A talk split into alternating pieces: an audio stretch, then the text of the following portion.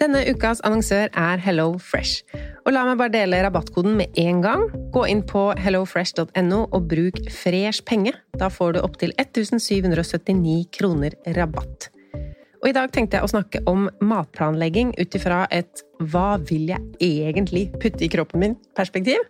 Altså ikke hva som er godt, men hvor mange ganger i uka vil jeg spise fisk, f.eks.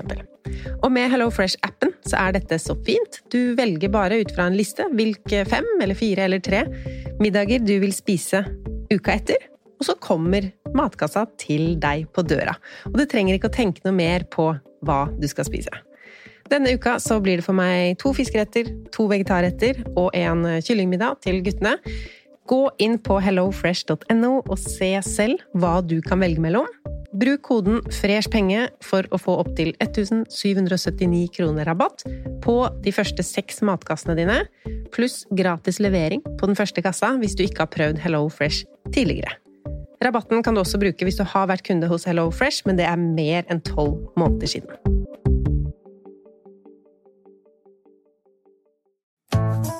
Har du et enkeltpersonforetak eller en liten bedrift?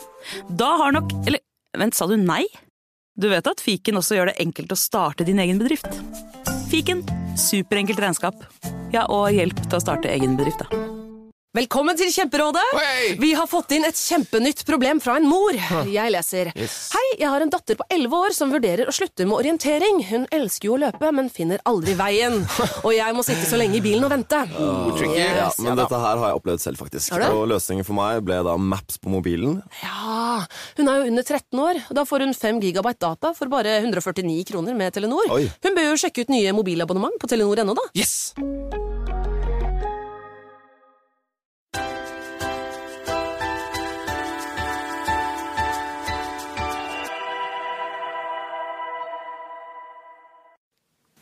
Velkommen til Pengesnakk podkast. Vi har kommet til episode syv, og i dag skal det være spørsmål og svar. Dere sender meg så mange spørsmål, så tusen takk for det. Det blir mer enn nok å prate om eh, fremover rundt temaet sparing, penger og forbruk. Jeg gleder meg som alltid til å spille inn podkast, så la oss sette i gang. Jeg heter Lise, for dere som hører på for aller første gang i dag. Jeg har en blogg som heter pengesnakk.no, og er en skikkelig sparenerd. Jeg elsker å finne ut hvordan jeg kan bruke mine egne penger på best mulig måte. Og så er jeg glad i å dele min kunnskap og snakke med deg om hvordan du kan spare og bruke pengene dine litt smartere. Aller først i dag tenkte jeg å si noen ord om noe som skjedde forrige uke. Jeg hadde bursdag og ble 32 år. Det er ikke det vi skal snakke om nå, men i helgen skal jeg skrive et blogginnlegg så sjekk ut det over helga hvis du vil se hvordan det står til med denne planen min om å kunne pensjonere meg allerede som 40-åring. Men det som skjedde forrige uke, som vi egentlig skulle snakke om, var at Norges Bank satte opp styringsrenten. Og hva betyr det? Det betyr at det går bedre med norsk økonomi. At vi ikke trenger lav rente og store muligheter til å låne penger for å få fart i økonomien. Det er gode tider, og i år ventes også høyere lønnsvekst enn vi har hatt de siste årene. Men det renteheving innebærer for folk flest, er jo at boliglånet blir dyrere. Det koster mer å låne penger enn det har gjort. Nå er det ikke sånn at lånerenten følger styringsrenten til punkt og prikke, men de største bankene har allerede satt opp renta med 0,25% som var det Norges Bank satte opp styringsrenta. Så det jeg vil at du skal gjøre, er å finne ut hvilken rente du har.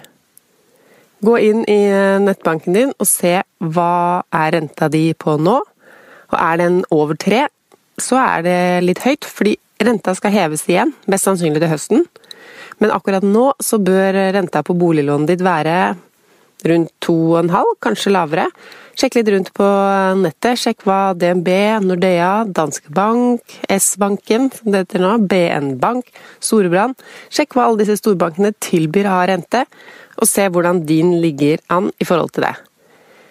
Hvis renta di er høyere enn det du eh, ser når du sjekker litt rundt, så kan du ringe banken eller sende en mail og rett og slett be om en bedre rente. Og med bedre så mener jeg lavere. Bankene er vanligvis ikke så vanskelig på å sette ned renta for de som spør, men det er fint å ha noen argumenter klare på hvorfor du vil ha lavere. Og da lønner jo denne researchen du har gjort med å sjekke litt hva andre banker tilbyr, det lønner seg. For da kan du jo bare si at jeg bytter til den og den banken, for der får jeg sånne og sånne betingelser. I tillegg så kan du si at du er betalingsdyktig, at du ikke misligholder lån, og at de kan se på historikken din at du um, er flink med penger. Du kan også se på hvor stor del av boligverdien din som er lån, og om det har endret seg siden du tok opp lånet.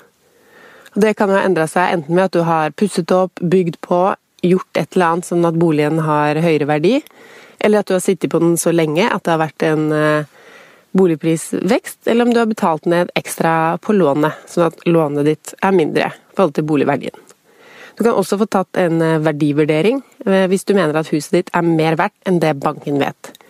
For bankene liker at lånet ditt er eh, under f.eks. 60% av boligverdien, og det kan føre til at du får bedre betingelser. En annen ting jeg vil at du skal gjøre, er å forberede deg på neste renteoppgang i høst. En måte å gjøre det på er å late som du allerede har en høyere rente. Lat som du har en rente på 4 eller 5% og det beløpet som du enda ikke må betale inn på lånet, kan du spare på en egen konto eller på bufferkontoen. Du kan sjekke en sånn eh, lånekalkulator og skru opp rentene til 5% så ser du hvor mye du må betale inn hvis renta havner på fem. To fordeler med å spare den ekstra summen er at du 1 venner deg til et lavere forbruk. To, har litt ekstra penger i bakhånd hvis du må bruke de på nedbetaling av lån, når rentene faktisk går opp. Og så en tredje ting. Hvis du sitter i dag med en litt for stor eh, buffer, hvis du har et stort boliglån, så kan du betale ned ekstra på lånet ditt nå, mens rentene fortsatt er lave. Det vil du tjene på fordi du slipper unna renteutgifter hver eneste måned. Fordi rentene på boliglånet er jo høyere enn de rentene du får inn på sparekonto. Har du pengene dine på en konto med rundt 1% så er det jo mer lønnsomt å betale ned lån på over 2 rente. Før jeg gyver løs på spørsmålene, så vil jeg informere dere om at jeg ikke er en økonom, og jeg vet heller ikke alt om alt. Jeg svarer det jeg tenker jeg ville gjort i deres situasjon, og så deler jeg info jeg vet noe om. Så vær så snill å ta rådene mine med en klype salt, det er ikke noen garanti for at det som passer for meg, passer for deg. Spørsmål 1. Hei, jeg digger bloggen din. Jeg er 23 år og student på Gjøvik. Jeg er interessert i sparing, men har ikke klart å spare så mye enda. Men jeg er bevisst på mat og klær. Du har nevnt at du sparer i fond. Hva burde man prioritere av BSU og fond? Jeg får lån på 8000 kroner i måneden, men holder på å få helgejobb. Først og fremst, så gøy at du vil spare! Det liker jeg å høre, og lykke til med helgejobb. Valget mellom fond og BSU er veldig enkelt, i hvert fall hvis du har tenkt til å kjøpe bolig en eller annen gang i fremtiden. Svaret er BSU, boligsparing for ungdom. Jeg fikk også en melding her om dagen om at jeg snakker lite om BSU, og om det betyr at jeg ikke anbefaler spareformen. Det stemmer ikke, jeg anbefaler BSU. Grunnen til at jeg skriver og snakker lite om det, er nok bare at jeg ikke har BSU selv lenger. Jeg hadde det før jeg kjøpte leilighet, men altså ikke nå lenger. Grunnen til at jeg anbefaler BSU over fondssparing, handler om to ting. Risiko og avkastning. Risikoen ved å spare i BSU er lik null. Du kan ikke tape penger du har satt inn i BSU. Risikoen ved å spare i fond er til stede. Hvis du har lang horisont med sparingen, er det jo bare å vente gjennom nedgangsperioder men på kort sikt er risiko absolutt noe man må tenke på før man sparer i fond. Under finanskrisen i 2008 så var det markeder som falt i verdi med rundt 50% Altså de halverte seg. Så om en optimist skulle pusse opp kjøkkenet i 2008, satt pengene sine i fond i 2006, hadde da to valg. Han kunne ta ut pengene når det kun var halvparten igjen av dem, eller så måtte han vente i to og et halvt år med oppussingen. For to og et halvt år etter finanskrisen var nemlig verdien 100% igjen, sånn cirka. Men det vet man aldri. Man vet ikke når en nedgang kommer, eller hvor lenge den varer. Derfor er det så viktig at du har lang nok horisont med penger du putter i fond. At du kan vente til nedgangstider er over før du tar ut pengene. Det var risikobiten. Null risiko med BSU. På kort sikt er den litt stor i fond, på lengre sikt mindre. Avkastningen på fond er 5% 7% kanskje. Det svinger jo og handler litt om hva slags type fond du investerer i. Kan være mer, kan være mindre, men som sagt kan også ha negativ avkastning i perioder. Men vi kan regne med 5-7% Avkastningen på BSU kan være, hold deg fast, 24 Da har jeg lagt inn skattefradraget som avkastning. Jeg skal prøve å forklare dette nøye. Det som er så topp med BSU, er to ting. For det første så får du bankens beste rente, opp mot 4% I tillegg får du et skattefradrag på 20% av det du sparer. Begrensningene i BSU er at du totalt kan kun sette inn 300 000 kroner. Hvert år kan du sette inn maks 25 000, og du kan ikke sette inn penger lenger etter det året du fyller 33. I tillegg må pengene brukes på bolig, enten kjøp eller nedbetaling av lån på egen bolig. Så jeg anbefaler BSU både mindre risiko og høyere avkastning. Men hvis du ikke har inntekt, slik du ikke har per nå, så har du ingen skatt å trekke de 20% av. For det er sånn at de opp mot 4% får du av banken din, mens de 20 trekker du av på skatten. Og bankene sender opplysningene til skatteetaten, så du trenger ikke å gjøre noe spesielt for at det her skal skje, annet enn å ta en titt på selvangivelsen for å forsikre deg om at trekket ligger inne. Og har du ikke inntekt du skatter av, så går du altså glipp av skattefradraget. Så et eksempel. Hvis du tjener 200 000 kroner i året og skal egentlig skatte 30 000, har du spart maksbeløpet i BSU, skatter du kun 25 000. Staten gir deg altså en rabatt på 5000 kroner i skatt for å oppmuntre deg til å spare til bolig, og for å hjelpe deg inn på boligmarkedet. Så når du har skattbar inntekt, så er avkastningen på BSU ca. 23-24% uten risiko. Har du ikke skattbar inntekt, er avkastningen på BSU 3-4% Se hvilken bank som tilbyr høyest rente.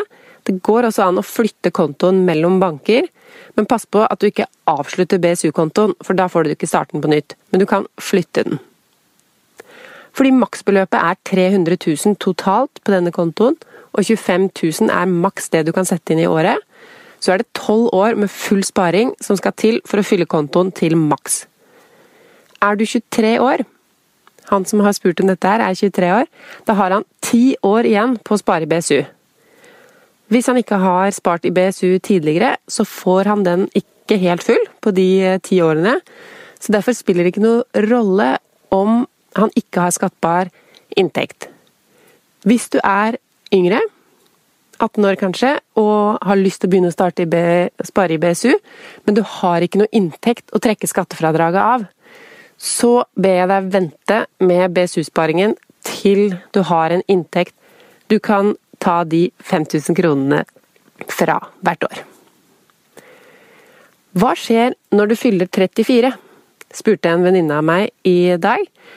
Når du fyller 34 år, så blir BSU-kontoen din til en vanlig sparekonto.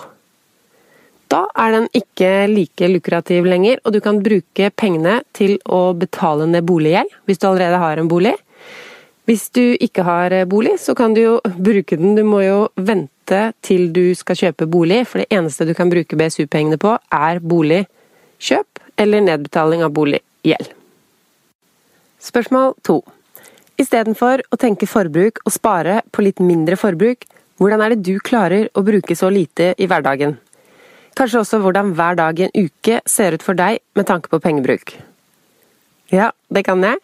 Jeg er, som du sier, ikke så opptatt av hvilket forbruk jeg kan kutte i, men mer opptatt av hva jeg skal bruke.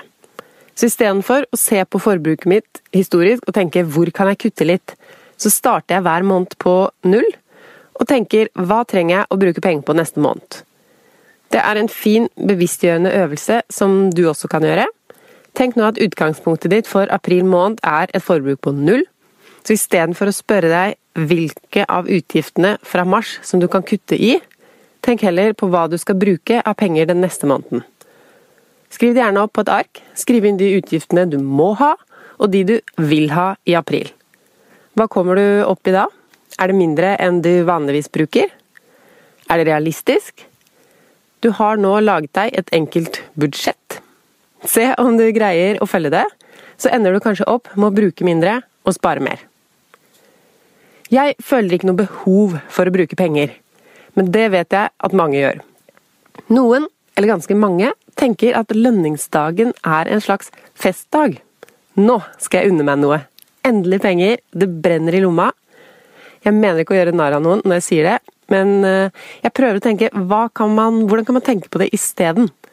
Hvordan kan man tenke smartere? Hvis du kjøper deg en flaske champagne eller en ny kåpe på lønningsdagen, de tingene koster akkurat det samme uka etter. Mange vurderer kjøp eller ikke kjøp ut ifra hvor mye de har på konto. Og det, mener jeg, er ikke det smarteste du gjør. Jeg lager et eksempel eh, for å forklare. På lønningsdagen, la oss si at du får inn 25 000 kroner. Kåpa du har lyst på, koster 2500 kroner. Det er 10% av det du har, og du kjøper kåpa. Hvis vi hadde venta eh, to uker senere, så er det 5000 kroner igjen på konto og over to uker til neste lønn. Kåpa koster fortsatt 2500, men nå er jo det 50% av det du har på konto.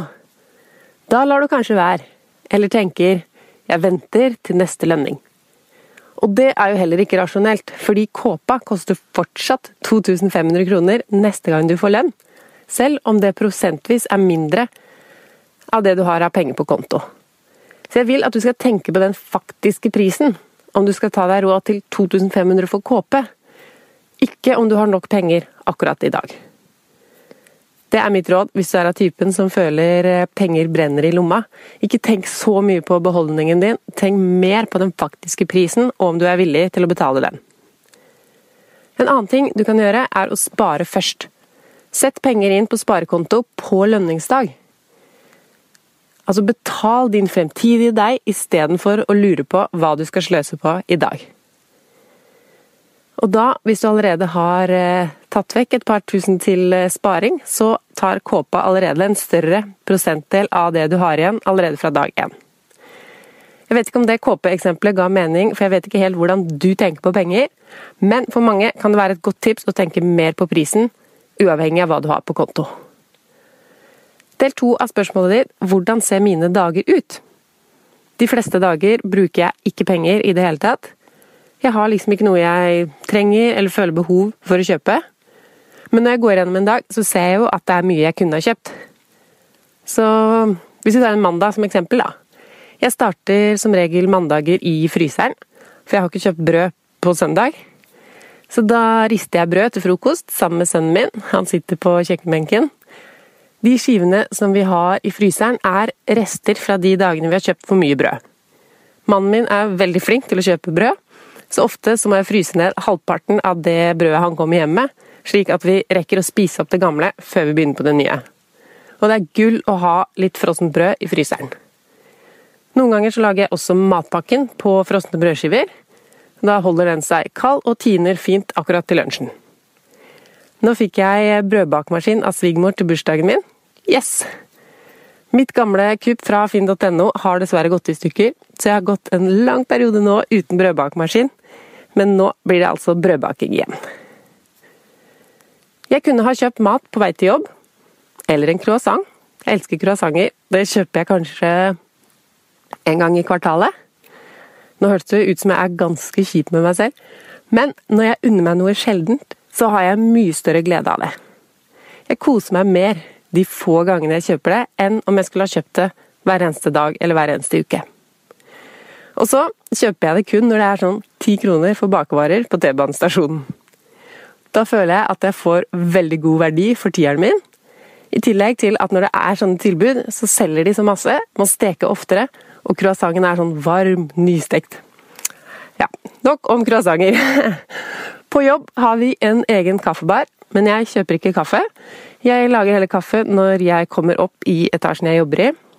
Jeg kjøper heller ikke lunsj. Veldig sjelden, i alle fall. Jeg har med matpakke, og trives jo med det, som dere vet. Middagene våre handler vi etter en plan, og på kvelden er jeg som regel hjemme med den lille familien min, og det koster heller ikke penger.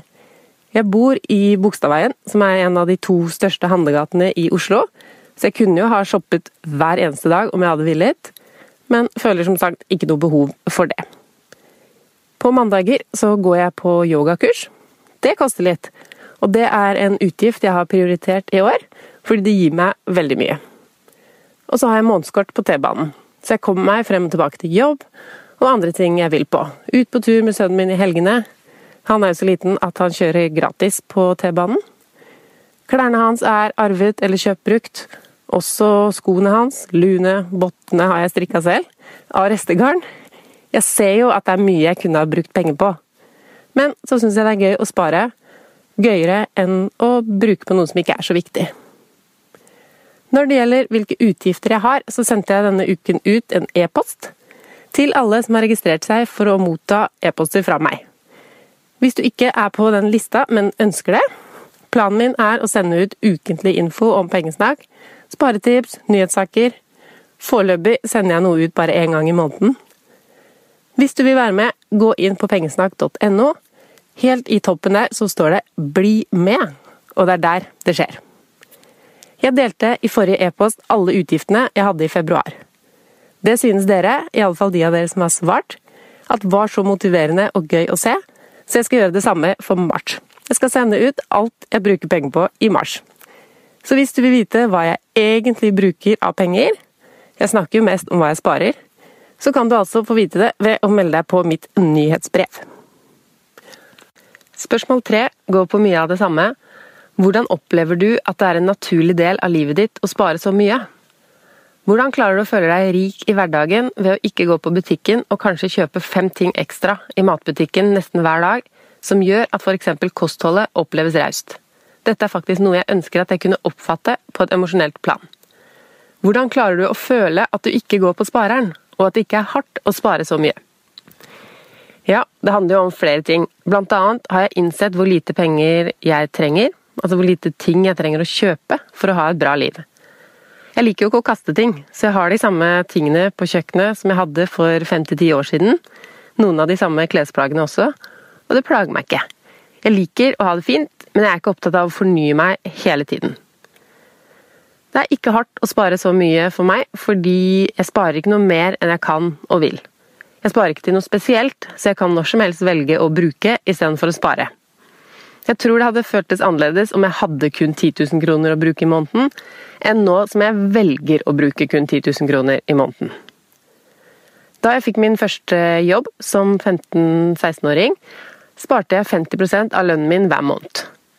Det høres mye ut å spare halvparten av lønna, men jeg var jo vant til å tjene null. Så at jeg da plutselig hadde over 2000 kroner i måneden å bruke, det var jo en kjempeluksus og det var ikke begrensende på noen måte å spare over 2000 kroner i måneden. Da jeg var student, så kunne jeg ikke lenger spare halvparten av det jeg tjente. Jeg hadde en høy månedspris på den lille leiligheten min, så sparingen min var mindre en periode. Da jeg flytta til Oslo og kjøpte meg en leilighet, så starta jeg jo på nedbetaling av det lånet. Først så starta jeg med de avdragene banken foreslo, og tenkte ikke så mye på det, men så merka jeg jo at jeg hadde muligheten til å betale ned mye mer enn det hver måned.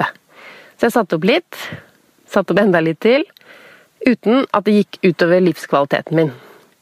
Da lånet var betalt ned, så eh, lagde jeg samme avdrag til sparekontoen min og til fond, istedenfor å betale de til banken, og det har jeg fortsatt med. Så øker jeg beløpet litt og litt, Per i dag så er det 21 900 kroner som forsvinner rett ut av kontoen min på lønningsdagen. Så mitt tips er å starte med så lite at du ikke merker det. 400 kroner, eller du kan uh, bruke spareballongene som ligger på pengesnakk.no. Det er en challenge der vi starter med å spare 1 av lønnen din. Det klarer du. Og måneden etter så øker vi til 2% av lønnen.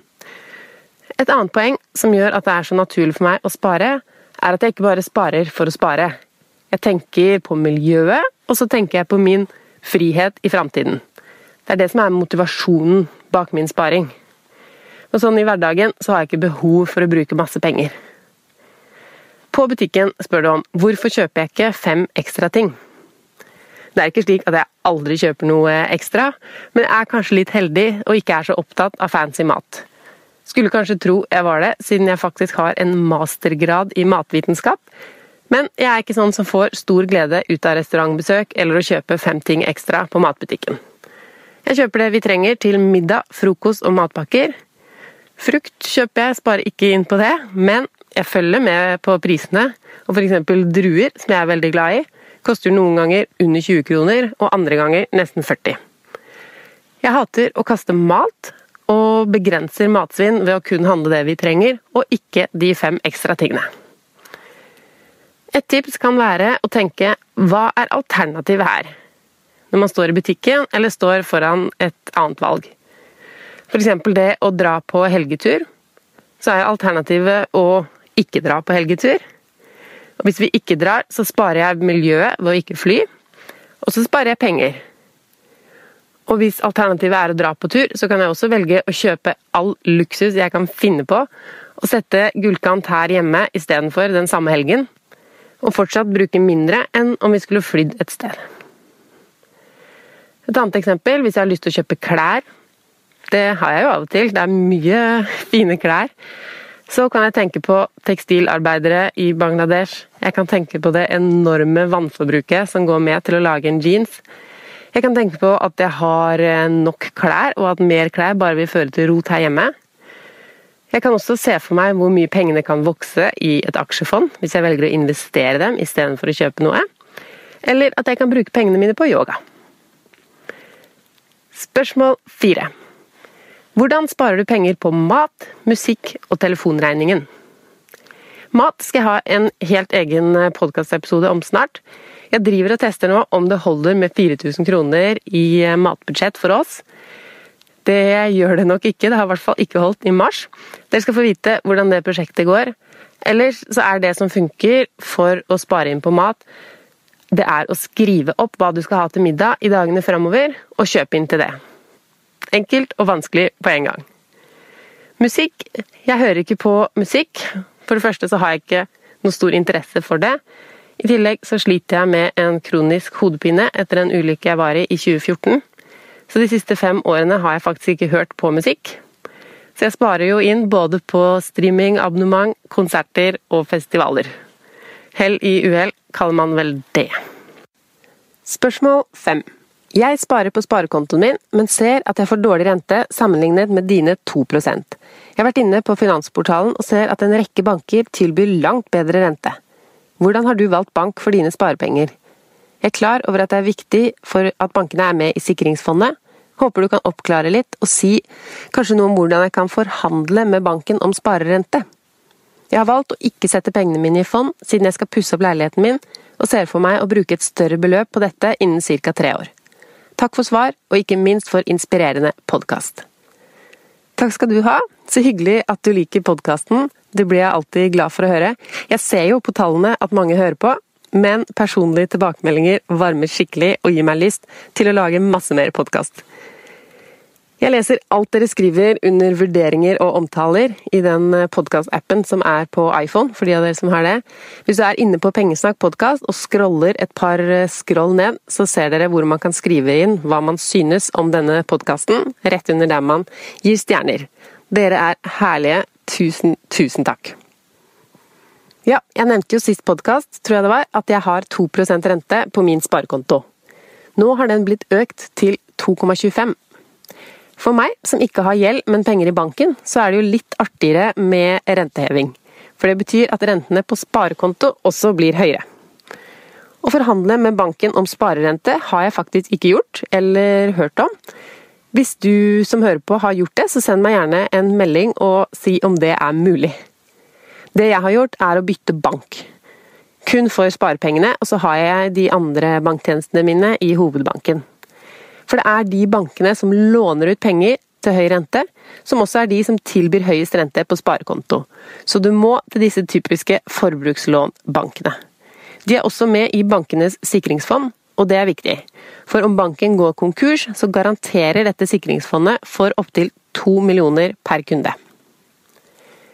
Det er to fordeler med å ha sparekonto i en annen bank enn hovedbanken din. For det første bedre renter, og for det andre ute av syne, ute av sinn. Skal du ikke bruke disse pengene, så er det greit å ikke se dem hver gang du logger inn i nettbanken. Det er en fordel for de av oss som synes det er litt fristende å ta ut penger igjen fra sparekonto.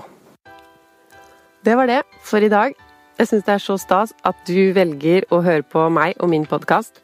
Takk for at jeg får være med deg ut på tur, hjemme i stua, i badekaret, på jobb kanskje. Hvor er det dere egentlig hører på podkasten min?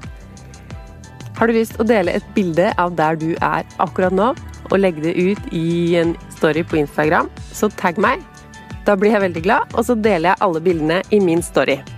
Det blir gøy å se hvor alle hører på dette her. Husk å sjekke rentenivået på banken og boliglånet ditt nå, da. Du trenger ikke å ha over 3% i rente. Jo nærmere to, jo bedre. Sjekk litt hva andre banker kan tilby, og ta den telefonen. Det lønner seg. Hvis du vil ha mer pengesnakk før neste episode, gå inn på pengesnakk.no og meld deg på nyhetsbrevet mitt. Vi snakkes!